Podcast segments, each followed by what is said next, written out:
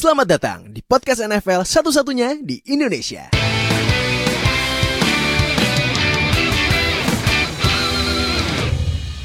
Balik lagi sama gue host kalian Fadil Saputra aka Fadil at Fadil Saputra aka Bang Medan Bang Bang Medan Bang Bang Medan Bang Bang Medan Bang Lu nggak lihat gamenya sama aja tuh sama Medan 20 tuh itu Medan 21 tuh Medan 20.2 tuh nggak?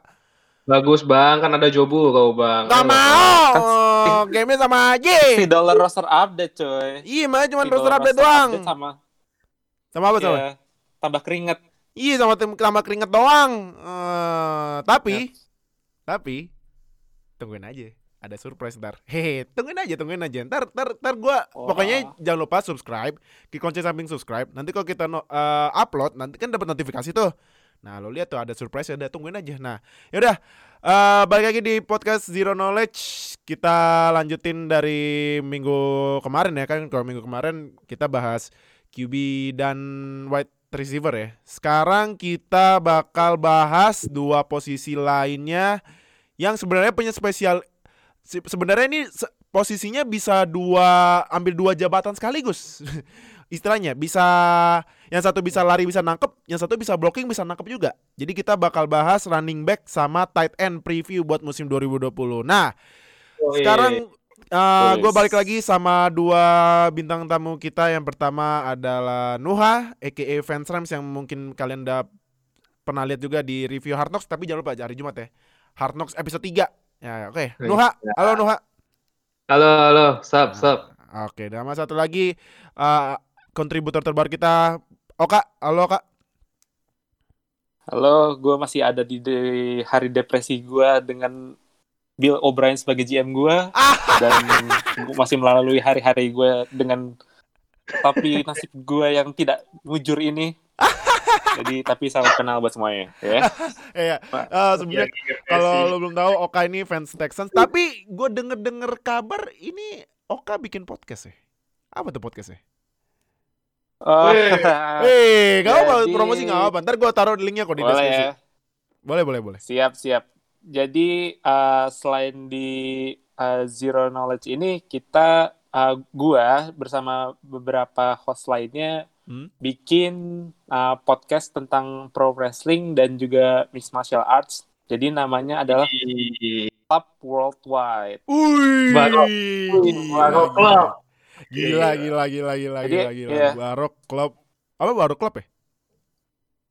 Club. Jadi nama gue kan Barokah. Jadi Ah, ah. dibikin agak dilucu-lucuin jadi Barok Club dari Brock Lesnar gitu. Oh, Jadi- gila, gila, gila, Oh, gila. lihat ah, nanti langsung iya langsung Gila. dengerin aja di Spotify kita rilis setiap Selasa eh, jam 7 malam eh, biasa eh, mostly dan juga kita udah ada episode pertama juga Hmm. bahas tentang NXT Takeover sama SummerSlam jadi Nah. dengerin aja di Spotify ya Nah, buat lu yang nonton WWE atau nonton UFC tuh langsung dengerin podcast ya Barok Club Worldwide ya.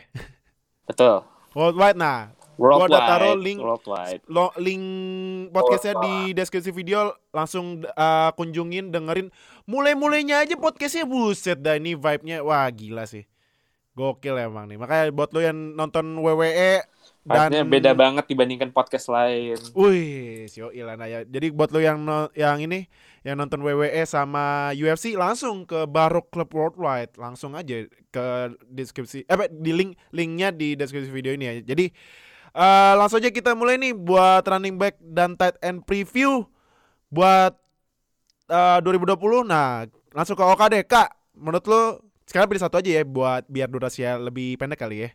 Biar lebih enak Oke. gitu dengerin sama nontonnya. Nah, Kak, satu siapa running back yang bakal naik di 2020? Yang menurut lu Yang bakal, bakal surpri- yang bakal surprising gitu kan contohnya kalau kemarin yang surprising itu Derrick Henry kayak hitungannya surprising ya kalau dibanding sama 2018 ya. Nggak sih? gue sih ngelihatnya sih nggak terlalu surprising karena kalau 2018 dia itu kan split carry sama Dion Lewis. Dion Lewis ya, iya iya. Ya, tapi uh, sel- dalam limited carries yang dia dapat pun juga bagus ba- udah bagus banget dari 2018.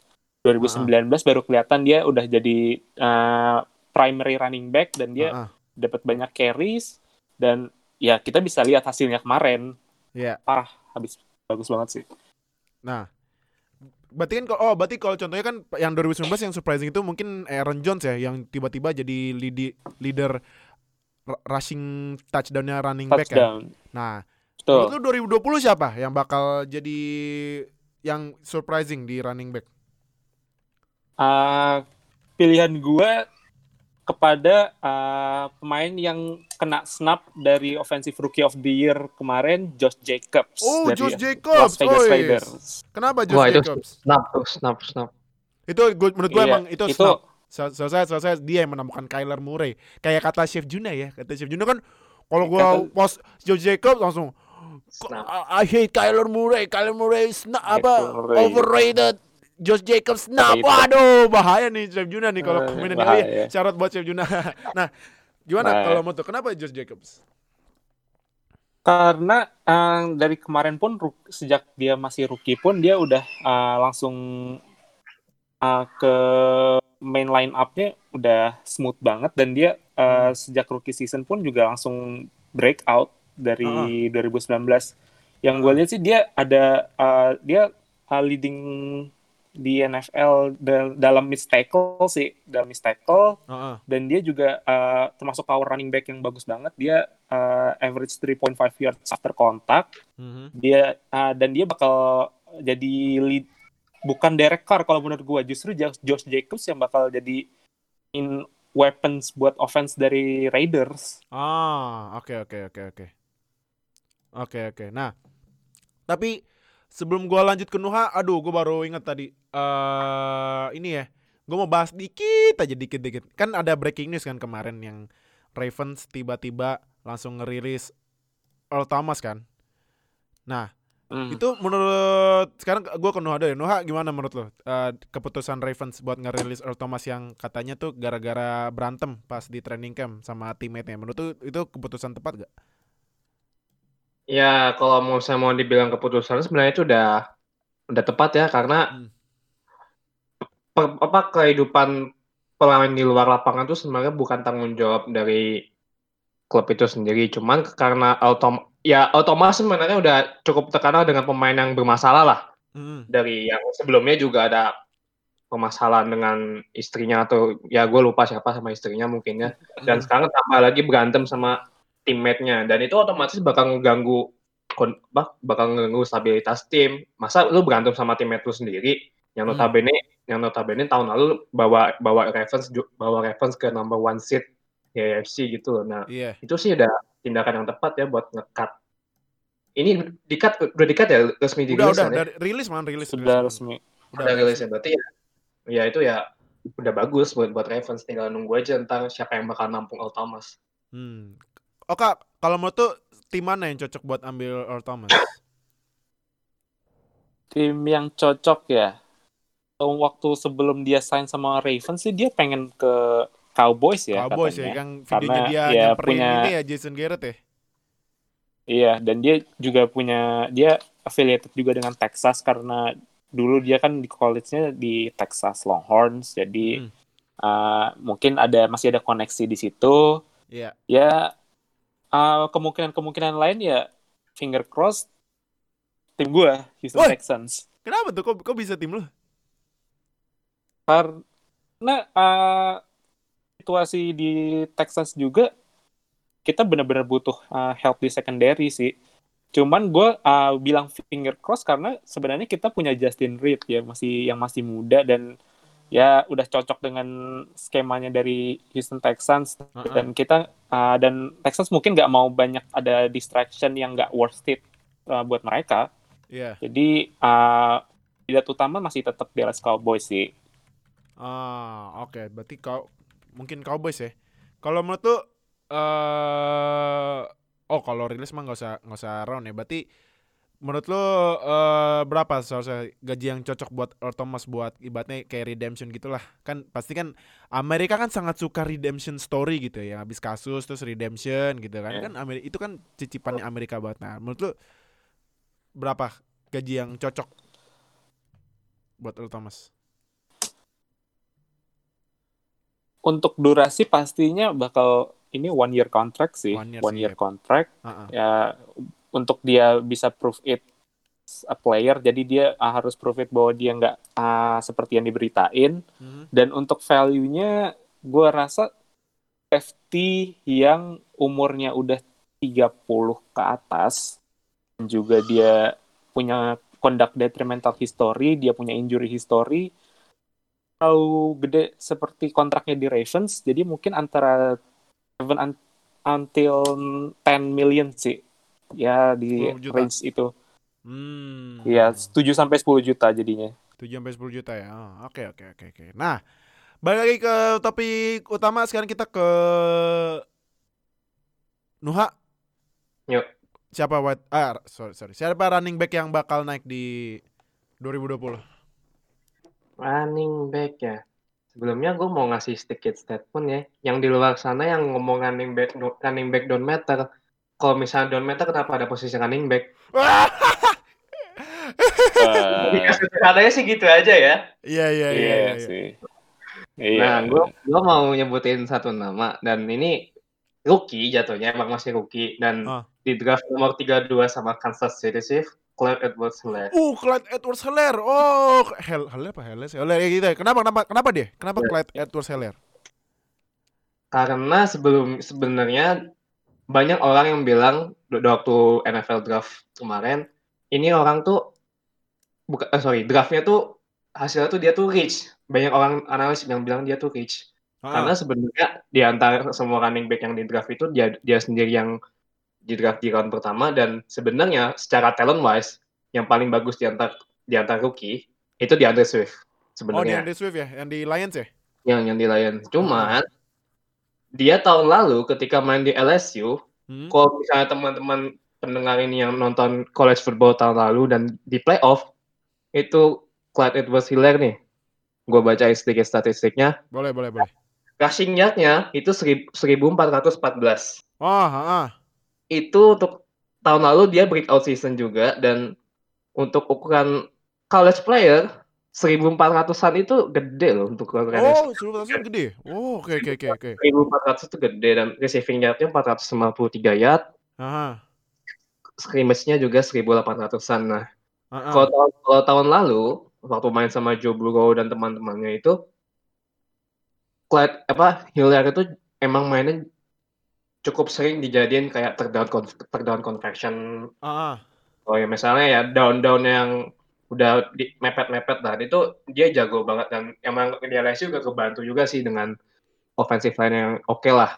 Mm-mm. Nah, untuk di Chief ini dia emang bakal naik karena satu emang mereka butuh running back ya. Iya. Mereka butuh running back dan di kan di Chief itu kan running backnya juga udah ada Damian Williams. Nah, Ah, ah. mungkin dan Damian Williams itu bakal dijadiin kayak receiving running back itu. Oh. running back yang ya Mahomes yang target-target target-target yang simple-simple yang pendek aja lah buat Mahomes nah sedangkan Oke. Hiller ini bakal dijadiin primary yang buat heavy running Oke. namanya kenapa tiba-tiba jadi naik ya karena ya si college bagus banget mbak cara mainnya makanya Ah. di tiba-tiba makanya dia Chief itu berani buat ngedraft ngedraft Hiller karena itu dibandingkan dengan semua running back yang rookie pada waktu itu Ah, oke. Tapi menurut tuh apakah faktor lainnya yang kenapa si Clyde Edwards Helaire naik itu mungkin gara-gara Damian Williams mutusin buat opt out season? itu salah satu faktornya Ah, salah satu faktornya ya.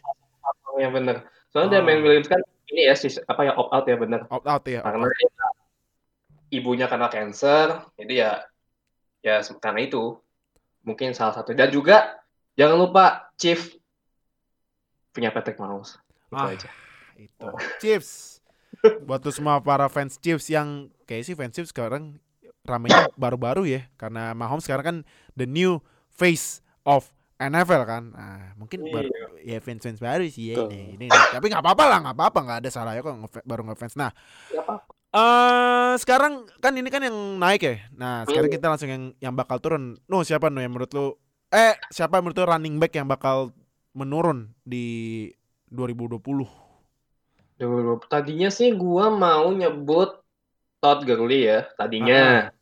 Cuman terus setelah gua pilih-pilih lagi ternyata gua nemuin satu nama. Oh, siapa Dalvin tuh? Cook dari Minnesota Vikings. Dalvin Cook. Uh, Iya.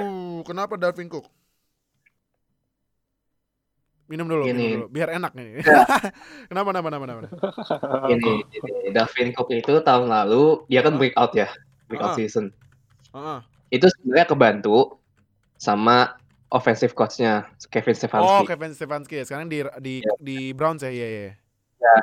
Udah jadi head coach-nya Brown. Nah, Heeh. dengan skemanya dengan skemanya Stefanski itu dan dengan proteksi owner yang ya gue lihat tahun lalu lumayan oke ya Vikings makanya Dalvin Cook tuh bisa bikin break, breakout season dan segala macam cuman tahun ini kan offensive coach-nya udah berbeda Kevin Stefanski udah jadi head coach-nya Brown nah Mm-mm. gue sih gue sih nanti memprediksi ra- he- apa running running game-nya Kevin Stefanski itu bakal pindah ke Nick Chubb Oh, oke, oke. pindah Oke. ke Nick Chubb jadinya Hmm. Dalvin Cook ini harus beradaptasi dengan skema baru which Hmm. is itu nggak kita nggak tahu nanti skemanya bakal gimana nggak nggak maksudnya juga nggak bisa terlalu dependen juga sama Dalvin Cook aja toh juga Vikings juga masih punya receiving corps yang bagus ada Adam Thielen ada rookie Mhm. juga Justin Jefferson dan Kirk Cousins masih oke lah gitu Mhm. nah itu kalau menurut gue yang bakal turun emang secara tahun lalu emang breakout dan yang megang fantasi yang pakai Dalvin Cook tahun lalu bakal emang seneng banget sih karena breakout seasonnya tahun lalu Oh, oke oke oke. Oke, berarti Dalvin Cook ya. Walaupun offensive coordinator sekarang Gary Kubiak ya kalau salah ya. Gary, Gary Kubiak ya. Yang sih OC-nya? gue kurang tahu ya kalau misalnya Ah. sorry gue belum mengetahui siapa offensive coach kalau emang bener Gary Kubiak Heeh. ya kita tunggu aja soalnya eh, Gary Kubiak pernah sukses juga kan di Texans nah itu Ah. kita nggak ntar kayak gimana Nah, Ah, oke oke. Nah, Oka. Sekarang giliran lo siapa running back yang bakal turun di 2020?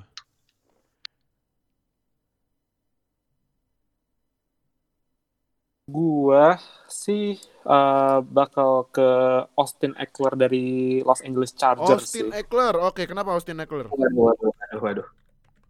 Austin Eckler ini dia ada ada benefit juga dia uh, be- being the one to punch sama Melvin Gordon di Chargers Iya. dan dengan Gordon yang udah uh, live in free agency dia ke Broncos itu uh, agak ragu agak ragu sih dia bisa uh, carrying the heavy workload-nya dari Melvin Gordon itu Iya. rushing dia nggak terlalu istimewa banget sih. Dia Hmm. lebih ke passing, uh, pass catch running back. Pass catching ya. Dia Iya, iya. uh, salah satu uh, dia iya pass catching running back dan dia second uh, second in the league in receiving uh, dan reception dan juga receiving yards ah, ah. di bawahnya McCaffrey. Iya. Jadi untuk uh, reception dia uh, salah satu yang paling bagus. Cuman Hmm. untuk uh, as a running back juga dia nothing special sebenarnya. Ah, oke. 4.2 yards per carry mm, uh, masih ragu gue masih ragu aja sih apa dia bisa uh, jadi running back utama dengan kontrak barunya dia yang Mhm. didesain beberapa bulan yang lalu Iya. uh,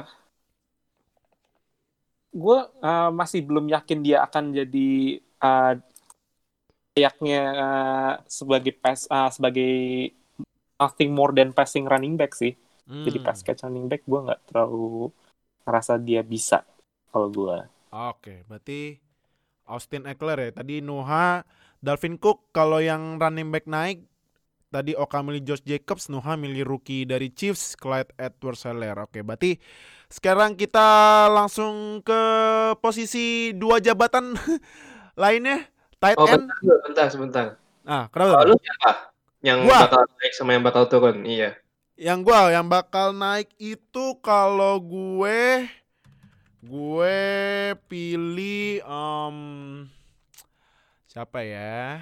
Ah, oh, gue tau siapa yang naik. James Conner Apaan dia di sekali di tackle 4 minggu cederanya ngapain? Gue tau siapa? Gue tau siapa? siapa Ini pasti bakal bakal ngejutin sih. Apa tuh? Devin Singletary nggak tahu nama. aduh apa tuh Devin Singletary. Hmm, Bukan kata apa ya? oke gue Bills ya? langsung pop up gitu tuh Devin Singletary oh Devin Singletary karena gini loh karena Hmm. ya iya sih Josh Allen Josh Allen punya weapon baru Stephon Diggs kan Mm-mm. tapi kalau gue lihat sih Hmm. offense-nya offense-nya ini masih butuh weapon lain buat nge-support Josh Allen jadi ya jawabannya Devin Singletary kalau gue Iya. nah gue Terus juga, juga- setuju juga sih dia Kenapa? jadi gue juga setuju juga sama lo tentang Hmm. Devin Singletary pertama dengan Fangor yang udah uh, hmm, udah free via via free agency juga Hmm. dia uh, bakal dapat lebih banyak carries dan Itu. ya uh, proyektednya bakal naik sih kalau Ah, itu Lihat-lihat. benar. Itu makanya. Yang pertama itu David Singletary. Yang kedua menurut gua yang bakalan turun itu adalah eh siapa ya? Oh, gua tahu nih. Ya. Rahim Mostert. Oh, Oke. Kenapa? Karena gini, karena menurut gua kayaknya Rahim Mostert repsnya bakal agak turun. Pertama, Garoppolo dapat Brandon Ayuk, Mhm. Dibo Samuel. Hmm. Apalagi George Kittle yang udah makin termotivasi jadi tight end termahal dalam sejarah. Jadi Hmm. menurut gua 49ers bakalan mulai pas heavy lagi nih. Kan sebenarnya kan Oh, Raheem Mostert juga kan lagi, udah mulai nggak running game lagi kayak Iya, kayak kalau menurut gue running game-nya bakalan agak nurun. Bukan nurun banget ya, agak nurun tapi ya itu Hmm. bakal dampak banyaknya ke Rahim Mostert sih kalau menurut gue. Itu sih kalau gue ya. Nah, berarti nanti eh ini ya, apa eh, buat tight end sama juga ya. eh, kalian berdua ngasih verdict ntar terakhir gue ya. Nah, eh, Hmm. sekarang buat tight end, tight end kita ke Oka Oka siapa kak tight end yang bakal naik? tight end yang bakal naik, gue uh, ngambil lagi ke 2019 draft class, gue pilih uh, Lions TJ Hawkinson. TJ Hawkinson, kenapa TJ Hawkinson? Hmm. Hawkinson uh, secara stats sih memang kelihatannya dia nggak terlalu impresif memang dia cuma uh, 32 reception buat 367 yards Mm-mm. dan ya secara stats memang di atas kertas dia nggak terlalu impresif cuman kita Hmm. harus ingat bahwa kemarin Lions uh, kehilangan Matthew Stafford dari pekan ketiga ya Oh iya. dari pekan Iya. ketiga atau Iya. pekan keempat Hmm, gitu. Matthew- QB-nya juga most of the time mereka main dengan backup QB dan ya backup QB ya pasti uh, nggak terlalu bagus kan secara Iya. permainan juga dan TJ Hawkinson juga nggak mungkin bisa dapat banyak target dengan ya uh, David Block sebagai quarterback ah. jadi dia ya kalau backup quarterbacknya memang sukanya lebih ke yang reliable reliable aja lah yang yakin yakin aja kayak Kenny Golladay terus ada Marvin Jones kemarin Hmm. sekarang kalau Stafford bisa balik lagi dengan performanya yang seperti sebelum-sebelumnya, ya eh, ya let's wait and see TJ Hawkinson sih. TJ Hawkinson bakal main bakal berperan banyak di situ. Ah, oke oke. TJ Hawkinson yang bakal naik ya. Oke. Noah siapa Hmm. Nuh? Tight end yang bakalan naik di 2020. Kalau gue bakal milih dari tim gue sendiri, Wih. Tyler Siapa Higbee. dulu nih? Higby apa Higby apa satu lagi siapa namanya? Fred. Apa? Eh, ah, Higby apa Everett nih? gue milih Tyler Higbee. Higby, oke. Kenapa Higby? Karena tahun lalu ketika offensive teamnya Rams itu udah mulai benar Hmm. di empat game terakhir, nah itu Higbee itu menjadi salah satu primary, bukan primary sih jatuhnya. Jadi ya menjadi salah satu target golf buat passing passing game. Ya. Karena ya tahun lalu emang passing game, bukan sorry, running gamenya Rams itu benar-benar amburadul, acak-acakan. Mhm. Nah sama McVay dibenerin, ya. solusinya main passing, main main short passing game. Aha, Nah kebetulan Higbee itu lumayan jago di masalah pass catching dan aha, blocking juga oke. aha. Nah tahun lalu tahun, tahun lalu itu masalah itu teratasi dan tahun ini gue yakin statsnya bakal meningkat lagi karena skemanya sih bakal masih sama ya bakal bakal still play Ah, with passing game karena running backnya masih rookie jadi belum bisa dikasih load heavy loaded kayak Iya. zaman Todd Gurley dulu mhm. dan juga kayak apa sih sebenarnya Higbee ini bagus di di end zone target end zone di end zone Mhm. target Itu Hmm. Higbee bagus banget. Makanya walaupun tahun kemarin cuma 5 touch 5 touchdown dan ini uniknya sih tahun lalu banyak running back eh sorry. Banyak tight end yang statistiknya tuh kayak apa kayak receiving yard-nya gede, ininya Iya. gede. Tapi touchdown-nya cuma 5. Nah, itu itu tuh bener. Itu bener banget. Nah itu dan Higbee itu salah satunya. Emang secara ras- secara rushing yard emang gak gede cuma sekitar 600 atau 700 700 700-an ya. Cuman Iya. touchdown-nya 5 dan itu ya secara ukuran tight end ya bagus untuk ukuran tight, tight, tight Iya sih. end yang touchdown-nya 5 dan itu gue yakin sih Tyler Higbee mungkin bakal breakout season tahun ini. Ah, Tyler Higbee ya. Oke, Iya. oke, oke. Kalau gue gue ngambil tight end yang baru pindah. Nah, coba lu lu berdua coba lu berdua tebak. Gue pilih Austin Hooper apa uh, apa Hayden Hurst? Coba tebak. Gue Hayden Hurst sih kayaknya. Nu lu milih siapa? Lu nebak siapa no? Kalau lu milihnya. Kalau yang punya kayak kayak punya something to prove dan carry on the shoulder sih Hayden Hurst ya.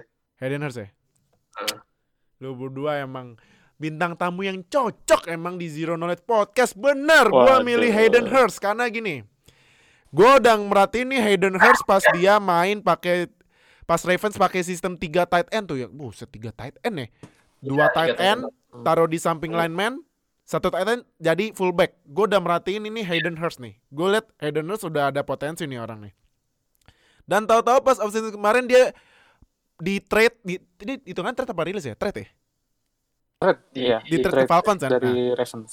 Nah, Iya. di trade ke Falcons menurut gua dia bakal jadi the next big tight end sih. Bukan big, bukan big badan sorry. Maksudnya big performance tight end. Nih lu lihat Hayden Hurst, QB-nya Matt Ryan yang ya ya malum lah ya kan namanya juga netizen suka flashy plays makanya pada ngidol- ngidolain Aaron Rodgers karena Hail Mary Hail Mary Hail Mary gue udah tahu lo pada Bang Hail Mary, Bang. Bang Hail Mary bang Kalau ada Hail Mary abang jago Lu lihat Matt Ryan mainnya bang Bang eh, Ini Hail Mary Eh Hail Mary sorry Matt Ryan mainnya juga bagus sebenarnya Cuman ya karena Ketutup. Juga. Oh, Tapi iya oke. pernah MVP juga loh Tapi ya karena kemarin Falcons mainnya Ketutup sama Falcons yang mainnya jelek banget Padahal sebenarnya kemarin Matt Ryan MVP Ya di, agak gamir sama MVP performance ya Cuman ya ya udah ya orang lihat lihat Matt Ryan sebelah mata tapi lu lihat nih ya musim 2020 nih Falcons apalagi kayaknya Falcons tuh sat, eh, tim yang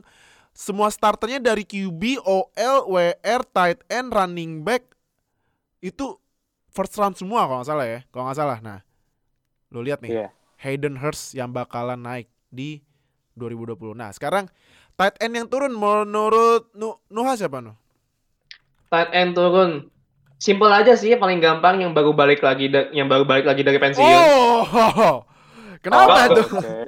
Aduh, itu kalau kata admin ketiga itu, itu kenapa si mantan pemain Patriots itu? Itu kalau misalnya admin ketiga nulis mantan pemain Patriots itu kenapa kenapa ya para fans Patriots itu bilang Patriots. kurang aja nih Mimi nulisnya gini-gini. Gua, gua, gua, gua udah move on masih ditulis mantan pemain Patriots kenapa nggak nulis Gronk aja sih lah itu kan mimin ketiga gue bukan gue yang nulis Menya- menyakiti sekte Patriots ya. Iya, kan emang bener mantan pemain Patriots. Kok pada baper sih fans Patriots? Eh, Ya nggak salah sih emang. emang iya, iya sebenarnya bener cuman ya jangan baper. Eh maaf ya, maaf ya. Maaf ya, maaf ya fans Patriots. Tapi kenapa kenapa kenapa Rob Gronkowski? Gronkowski ini kan pensiun dan tak- tiba-tiba comeback dan klausulnya kan tiba-tiba di trade gitu loh. Maksudnya Iya. di trade di Patriots dan ya tahun lalu tadi dan kayak nggak ada conditioning apa-apa gitu loh. mm-mm. Dia retire itu ya benar-benar retire, maksudnya ya nggak ada latihan, ya benar-benar having fun lah selama pensiun itu. Iya, Main ke main ke sana, main ke sini, main ke WWE, iya WWE Tiba-tiba- jadi juara ya. jadi juara nggak jelas tuh orang memang. Selesai ini. Nah tiba-tiba datang ke balik lagi ke NFL dengan Heeh.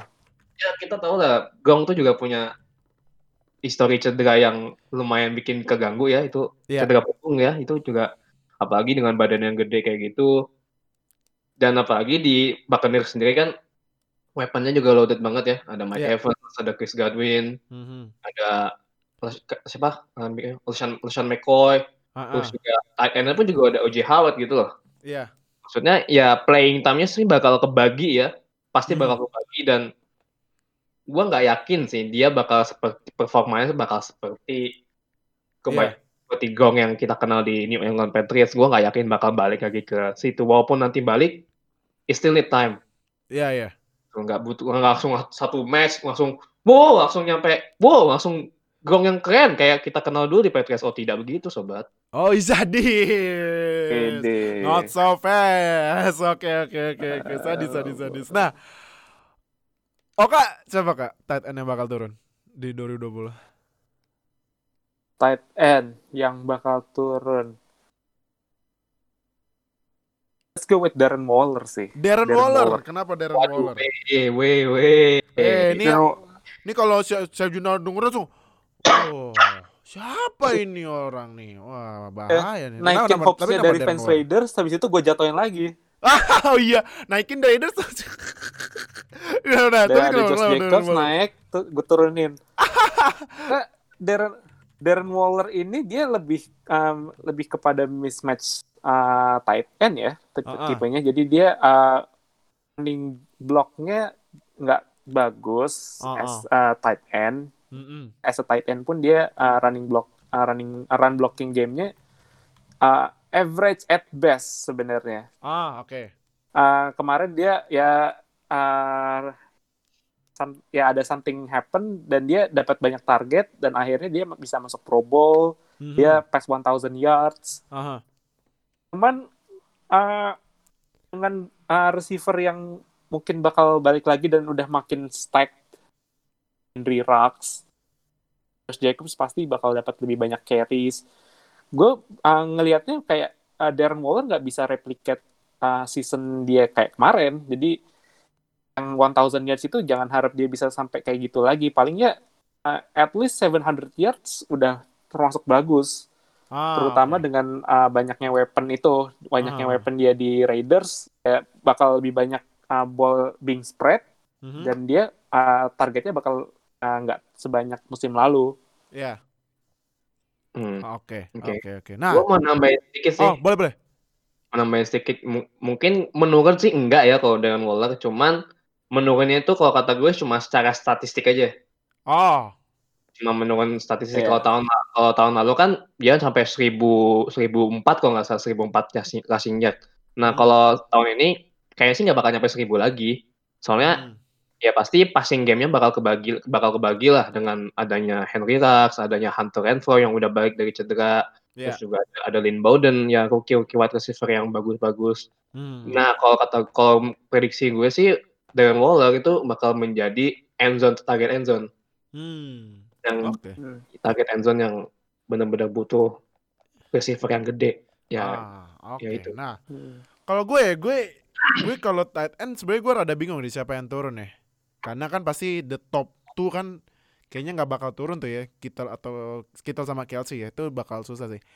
Ertz menurut gue bakalan naik dikit ya walaupun ada Rager ya karena kan juga kondisi receiving corpsnya Eagles kan yang aduh aduh aduh aduh aduh kan udah aduh aduh kan yang kemarin ya sekarang kan ya masih masih masih ya rada hadu cuman mungkin menurut gua Ars masih number one target ya tapi setelah gua lihat-lihat ya ini gua bakal pilih pemain yang baru pindah juga Austin Hooper Hmm. nah karena gini Pertama. Oke.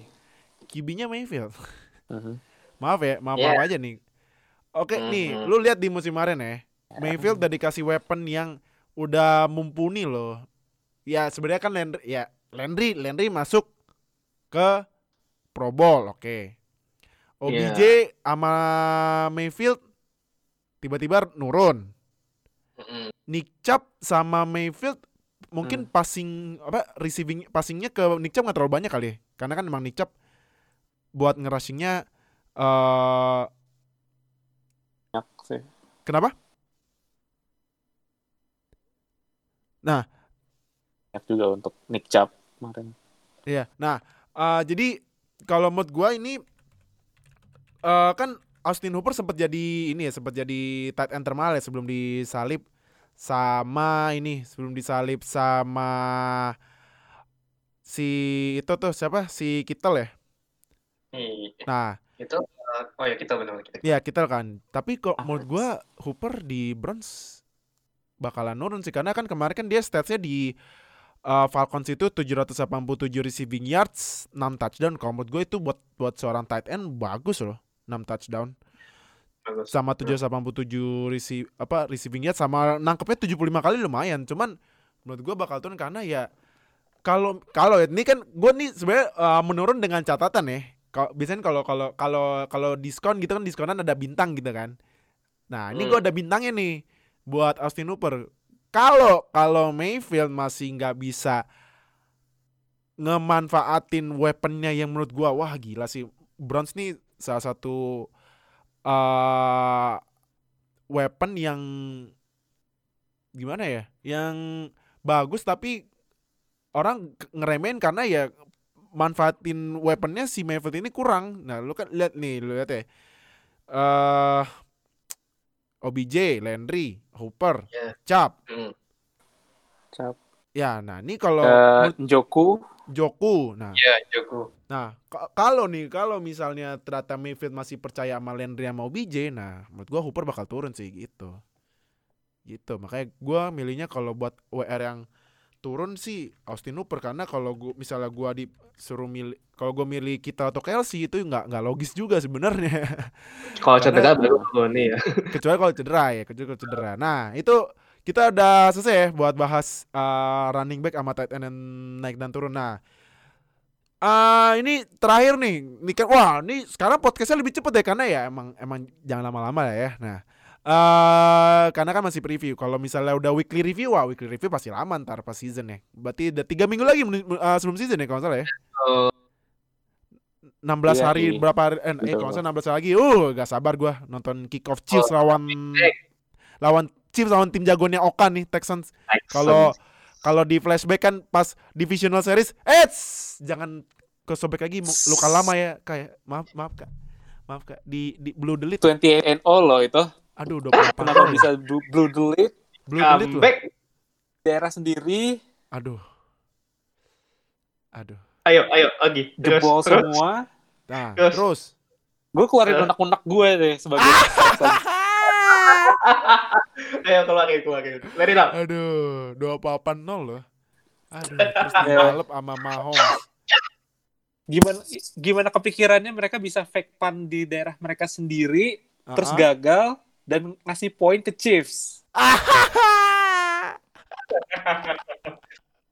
Aduh tuh, itu sebuah curhatan fans Texans yang udah jatuh, tertimpa tangga, pemain jagonya di trade sama Bill O'Brien, si GM-nya itu ke Cardinals. Aduh, duh, duh, duh, duh, duh, duh. sabar ya fans Texans. Nah, sekarang terakhir nih, gue mau bahas tentang market nih.